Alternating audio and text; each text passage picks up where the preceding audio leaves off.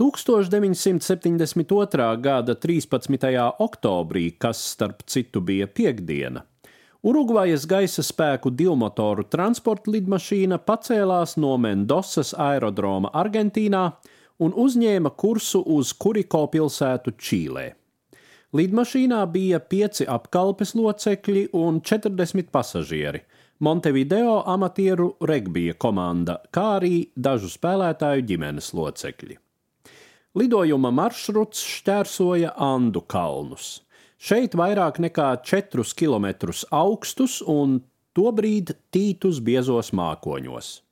Spiesti lidot bez vizuāliem orientieriem, piloti vadījās pēc koordināšu aprēķina, taču nebija ņēmuši vērā stipro pretvēju.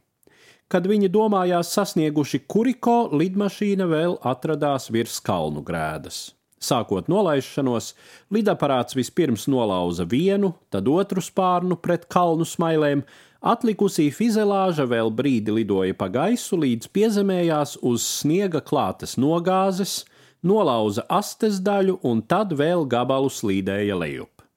12 cilvēki gāja bojā uzreiz, vēl seši nākamajās dienās.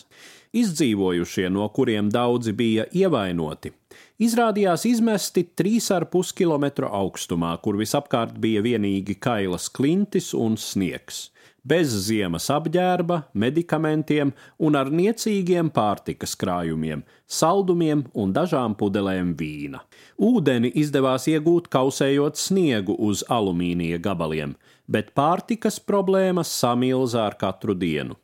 Drīz nelielie krājumi bija galā, un vienīgā iespēja izdzīvot bija pārtikt no bojā gājušo biedru līķiem. Daudziem to darot, šausminošās izjūtas palīdzēja pārvarēt asociācija ar svētā vakarēdiena rituālu, tajā piesaukto Kristus miesas apēšanu. Pirmajās nedēļās tie, kuri spēja, aktīvi meklēja ceļu ārā no kalniem, taču pārliecinājās, ka tuvākajā apkaimē ir tikai klintis un ledāji, bet augstums, retinātais gaiss un acis žilbinošais sniegs neļauj doties tālāk. Viņus, protams, meklēja, taču spoži baltais lidmašīnas korpuss praktiski nebija saskatāms no gaisa. Lidmašīnas raidītājs nedarbojās, bija vienīgi tranzistoru uztvērējs, un 11. dienā pēc avārijas tas atnesa vēsti, ka meklēšana pārtraukta. Vēl pēc nedēļas izdzīvojušos piemeklēja jauna nelaime. Lidmašīnas korpusu apraka lavīna, nogalinot vēl astoņus cilvēkus. Cerības deva vienīgi tas, ka dienvidu puslodē novembrī sākas pavasaris un siltāks laiks.